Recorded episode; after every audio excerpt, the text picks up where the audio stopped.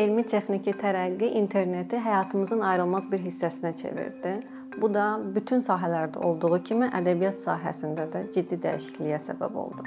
Ən əsas dəyişiklik o oldu ki, bədii ədəbiyyat məlumat mənbəyi, mütaliə isə informasiya qəbulu üçün əsas kanal olmaqdan çıxdı, bir növ əyləncə vasitəsinə çevrildi.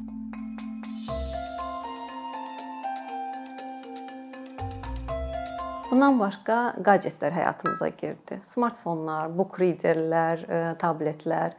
Bu da prosesin mahiyyətini dəyişdi, onları e, onlara səyyarlıq qazandırdı və rutin işlər cərgəsinə saldı. Artıq normal gündəlik işlərimizə görə-görə də kitab oxuya bilirik. Bu da rituallıqdan azad etməklə onları ilahiləşdirildiyi pillədən aşağı saldı. Da bizim kimi stajda oxuculara müəyyən üstünlüklər verdi ki, sevimli məşğuliyyətimizə bir, bir balaca peşəkar don geyindirək.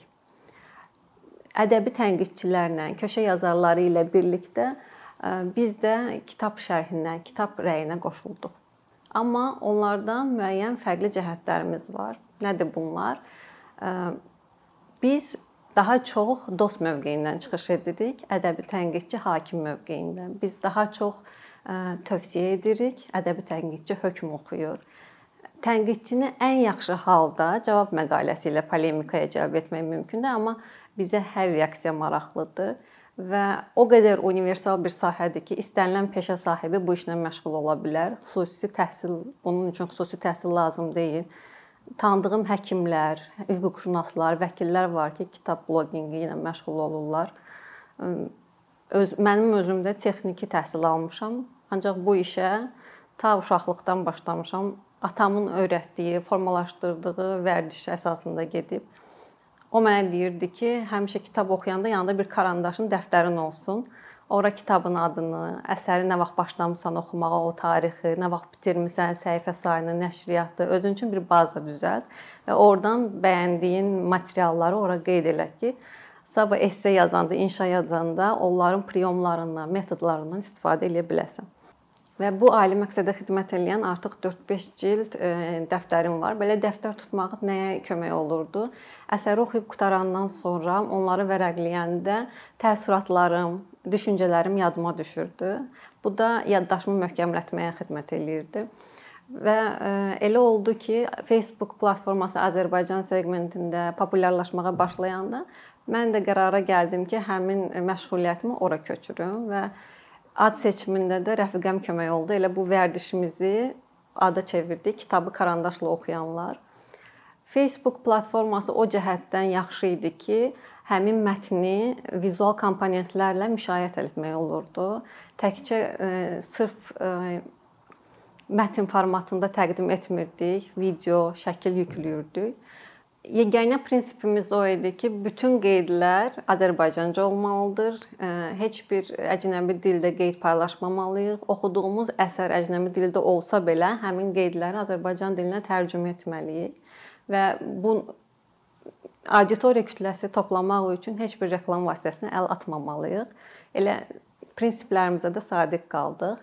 Ümumiyyətlə plat fəaliyyət göstər göstərəcəyiniz e, platformanı seçərkən lazımdır ki, siz öz vərdişlərinizə, qabiliyyətinizə və bacarıqlarınıza uyğun bir platforma seçəsiniz ki, kontent də keyfiyyətli olsun və bu işdə uğurlu olasınız.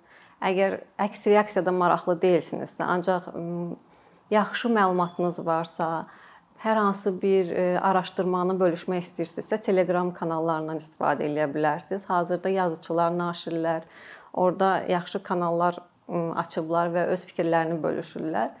Yox, əgər yazmaq sizdə asan alınmırsa, danışıqla məlumat daha yaxşı ötürə bilirsinizsə, podkastlara üz tuta bilərsiniz. Bununla auditoriya kütləsi toplaya bilərsiniz. Düzdür, burada ciddi boşluqlar var. Təbii söhbət Azərbaycan dilli segmentdən gedir. Bizim növbəti dayanacağımız isə Instagram oldu. Instagram estetik platformadır və gözəl fotoşəkillər tələb eləyir. Lakin orada təsvir mətnləri mümkün olduğu qədər qısa olmalıdır ki, diqqət yayılmasın, axıra qədər o post oxunulsun. Bundan başqa Bookstagramda bu kitablarla məşğul olanların xüsusi sektası kimidir. Bookstagramda challenge-lər, marafonlar təşkil etmək mümkündür müsabiqələr təşkil etmək mümkündür. Bu da auditoriyanı genişlətməyə imkan verir. Ardınca saytı işə saldıq. Saytın əsas üstünlüyü odur ki, öz əlin öz başın, özün özünün ağasısan. Burada dizayn da, format da səndən asılıdır və sayt kömək oldu ki, e, gördüyümüz işləri genişlədə bilək. Qeyd tərcüməsindən kiçik həcmli hekayə tərcüməsinə keçdik, ardınca iri həcmli kitablar tərcümə etdik. Özümüz kimi kitab bloqerlərindən, gənc yazıçılardan, naşirlərdən, tərcüməçilərdən müsahibə aldıq və həmin müsahibələri sayta yerləşdirdik. Bundan başqa oxucular, hətta tənqidçilər arasında belə bir müzakirə, polemika mövzusu var ki, əsərin birinci cümləsi daha kəsərli olmalıdır, yoxsa sonuncu cümləsi? Bəziləri birinci hala üstünlük verir, bəziləri ikinci. Biz bu iki cəbhəni birləşdirmək qərarına gəldik və oxuduğumuz 400-ə yaxın əsərin ilk və son cümləsindən ibarət böyük bir baza formalaşdırdıq. Onu da sayta yerləşdirdik və həmin əsərlər əsasında çəkilən ekran işlərinin keçidlərindən ibarət böyük bir bazamız var və bu da əl çatandır, sayta yerləşdirilib. Hələlik növbəti dayanacağımız YouTube-dur. YouTube kanalımızı pandemiya dövründə açdıq və vaxtımız bol idi, istədik bir xeyri dəysin. YouTube ümumiyyətlə fərqli yanaşma və fərqli təqdimat tələb eləyir. Kitab bloqeri bu halda artıq e, auditoriya ilə birbaşa kontakta girir. Burada nələr elədik? Əvvəlcə müxtəlif mövzularda, məsələn, müharibə mövzusunda yazılmış ən yaxşı əsərlərdən ibarət top list hazırladıq. Qeyri-adi strukturu ilə fərqlənən romanlar haqqında top list hazırladıq. Bundan başqa ən məşhur buraxılışlarımızdan biri ədəbi sindromlara həsr olunub və onlar silsilə xarakter daşıyır. Bundan başqa teq videoları çəkirik, müxtəlif tədbirlərdə iştirak edirik. Həmin tədbirlərdən vloq tipli çəkilişlərimiz olur ki, e, auditoriya yorulmasın. E, xarici ölkələrdə, məsələn, BookTube o qədər geniş yayılıb ki, artıq youtuberlər arasında ixtisaslaşma gedir. Onların bəzi kontentini maarifçilik ideyaları üzərində qurur. Bəziləri əyləncəyə üstünlük verir. Bəziləri hate və trash ədəbiyyatın tənqidi üzərində populyarlıq qazanır bəziləri isə müsahibə formatına üstünlük verir. Bizdə hələlik bu biraz yavaş gedir, ancaq yerli bloqerlər arasında da öz dəstək xəttini formalaşdıranlar var və bu da sevindirici haldır, çünki maraqlı, əyləncəli rəqabət ortaya çıxır. YouTuber kimi challenge-lər, marafonlar təşkil edirik, tag videoları çəkirik, nəşriyyatların, yerli müəlliflərin göndərdiyi hədiyyə bağlamalarını elə ekran qarşısında açırıq. Kitab rəfimizi onların qarşısında səliqəyə salırıq. Bu da bir növ səmimi ab-hava yaradır. Aradakı divarı yox eləyir və əlçatanlıq o ə, e, yersiz rəsmiyyəti aradan qaldırır. Ümumiyyətlə book blogging e, vaxt çatışmazlığından əziyyət çəkdiyimiz bir dövrdə virtual da olsa müzakirə aparmağa imkan yaradır.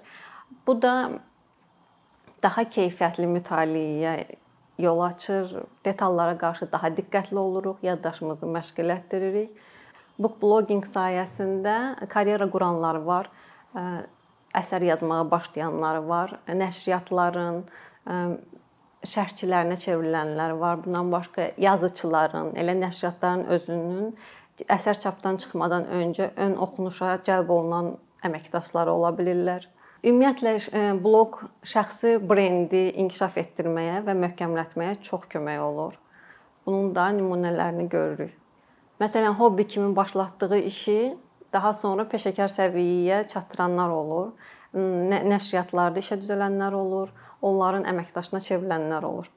Şəxsi müşahidələrimə və səhifələrimizdən gələn məlumatların analizinə əsasən deyə bilərəm ki, Bu işdə uğurlu olmaq üçün ən əsas məsələ mütəmadi post paylaşmaq və davamlılıqdır. Davamlılıq pozulmamalıdır və müəyyən bir sistem qurulmalıdır və həmin sistem üzrə irəliləmək lazımdır. əsas mövzu qalmalı və ona tamamlayıcı mövzular olmalıdır. Məsələn, kitab əsas mövzudursa, bizim halımızda tamamlayıcı mövzu səyahət kimi səyahət mövzusu ola bilər səfər etdiyimiz şəhərlərdən, ölkələrdən, konseptual kitab mağazalarından reportajlar hazırlayırıq və yaxud hər hansı bir müəllifin e, ev muzeyinə gedirik, oradan reportajlarımız olur, vloq çəkilişlərimiz olur. Və yaxud hər hansı bir əsərə həsr olunmuş muzeyə gedirik, oradan şəkillər paylaşırıq. Bu da kontenti daha əyləncəli, daha maraqlı edir və həmin əsərə diqqət çəkir. Əlbəttə lifestyle, beauty blogging, fashion blogging ilə müqayisədə book blogging kölgədə qalır. Ancaq yavaş-yavaş inkişaf edirik və yerli nəşriyyatlar əməkdaşlığa həvəsli görünür. Bu da ümidverici haldır. Çünki ədəbiyyata münasibət, ədəbiyyat sahəsinin özünə münasibət nə qədər dəyişsə də, bu dəyişikliyi müsbət istiqamətdə aparmaq lazımdır. Çünki ədəbiyyatın şəfaveverici gücünə inanıram. O insanları sağalda, həyata qaytara bilər. Kitab blokçuluğu, mütaliə, ədəbiyyat şəxsən mənim həyatımda da ciddi dəyişikliklərə səbəb olub. Karyerama proqramçı kimi başlasam da, daha sonra copywriter kimi fəaliyyətimi davam elətdirməyə başlamışam və bu texniki sahədən birbaşa humanitar sahəyə keçiddir və uzun illər formalaşan vərdiş indi mənə yeni işlərimdə kömək olur. Kitab blokçuluğu oxuculara nə verir? Yəni biz oxuculara nə veririk? Buna gəldikdə şişirtməyə ehtiyac görmürəm. Bilmirəm nə veririk. Elə gələn şərhlərə görə analiz edib deyə bilərəm ki, elə izləyicilərimiz var ki, mesaj yazırlar, şərh yazırlar ki, sizin sayənizdə bu müəllifi tanıdıq, bu kitabı tanıdıq, oxuduq, bəyəndik. Orxan Pamuk demiş həyatımız dəyişdi. Amma bəyənməyənlər də ola bilər. Əks reaksiya da gələ bilər Amma bu yaxşıdır ki, müzakirə ortalığa girir, polemikaya cəlb olunuruq. Bu detallar analiz olduqca, analiz edildikcə hamı fərqli tərəflərini də görür. Məsələn, götürsək ki, Kafkanın çevrilmə əsərini əslində o həşərat mövzusu deyil, daha ciddi sosial problemlər yatan əsərdir və kimsə onu daha dərindən başa salanda görürsən ki, qarşı tərəfin fikri dəyişir, aydınlanma yaşayır və deyir ki, hə, doğrudan bir də buna şans verə bilərəm.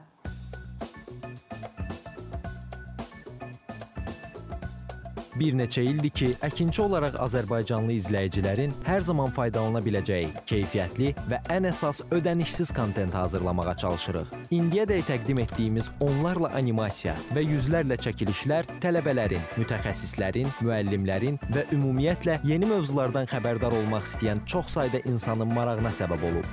Bu illər ərzində hazırladığımız videolar təhsil, texnologiya, ictimai fəallıq, iqtisadiyyat, gender bərabərliyi, ətraf mühit, ifadə ifadə azadlığı, hüquq, demokratik inkişaf, mədəniyyət və digər mövzuları əhatə edib. Məqsədimiz çoxlu baxış gətirən deyil, çoxlu fayda gətirən videolar hazırlamaqdır. Amma bu düşündüyümüz qədər asan deyilmiş. Gördüyümüz iş kifayət qədər resurs, əmək və təbii ki, davamlılıq tələb edir. Bu səbəbdən Patreon platformasından istifadəyə başladıq. Əkinçinin Patreon hesabının populyarlaşmasına çox böyük ümidlərimiz və gözləntilərimiz var. Bəziləriniz Patreon haqqında ilk dəfə eşidirsiniz. Əslində çox sadə izahı olan bir platformadır. Təsəvvür edin ki, siz rəssam və ya musiqiçisiz. Sosial şəbəkələrdə sizi izləyən, işinizi bəyənən çox sayda insan var. Patreon platforması sizə imkan verir ki, izləyicilərinizin könüllü aylıq ödənişləri sayəsində işinizi davam etdirəsiz. Sərgi, konsert zallarından asılı qalmayasınız. Amma bu təkcə rəssam və musiqiçilərə aid deyil. Məsələn, əkinçiyə bənzər fəaliyyətlə məşğul olan bəzi layihələrin 10 minlərlə patronu var. Biz də düşündük ki, nə üçün əkinçinin Patreon hesabı olmasın? Sizin dəstəyiniz sayəsində biz daha çox və daha keyfiyyətli kontent yaratmağa davam edə biləcəyik. Amma bu dəstək yalnız maddi dəstək deyil. Dəstəkçilərimizin sayının artması gördüyümüz işlərin faydalı olduğuna dair əminlik verir. Patreon platformasından istifadə çox sadədir. Hesabınızı açırsınız, sizə uyğun dəstək növünü seçirsiniz və Patreon özü hər ayın ilk günü kartınızdan seçdiyiniz dəstək növünə uyğun ödəniş tutur. Bu qədər. Sonda onu demək istəyirik ki, dəstəkçilərin sırasına qoşulmaq istəyən, amma məhdud imkana görə bunu edə bilməyənlər narahat olmasın. Daha öncə dediyimiz kimi, bizim əsas məqsədimiz daha çox insanın hər zaman faydalana biləcəyi keyfiyyətli və ödənişsiz kontentin yaradılmasıdır. Bunun üçün mütləq patronumuz olmalısınız deyə məcburiyyət yoxdur. Amma imkanınız patron olmağa çatırsa və bizim işimizi bəyənirsinizsə, patronlarımızın sırasına qoşulmağınız bizim üçün çox önəmlidir.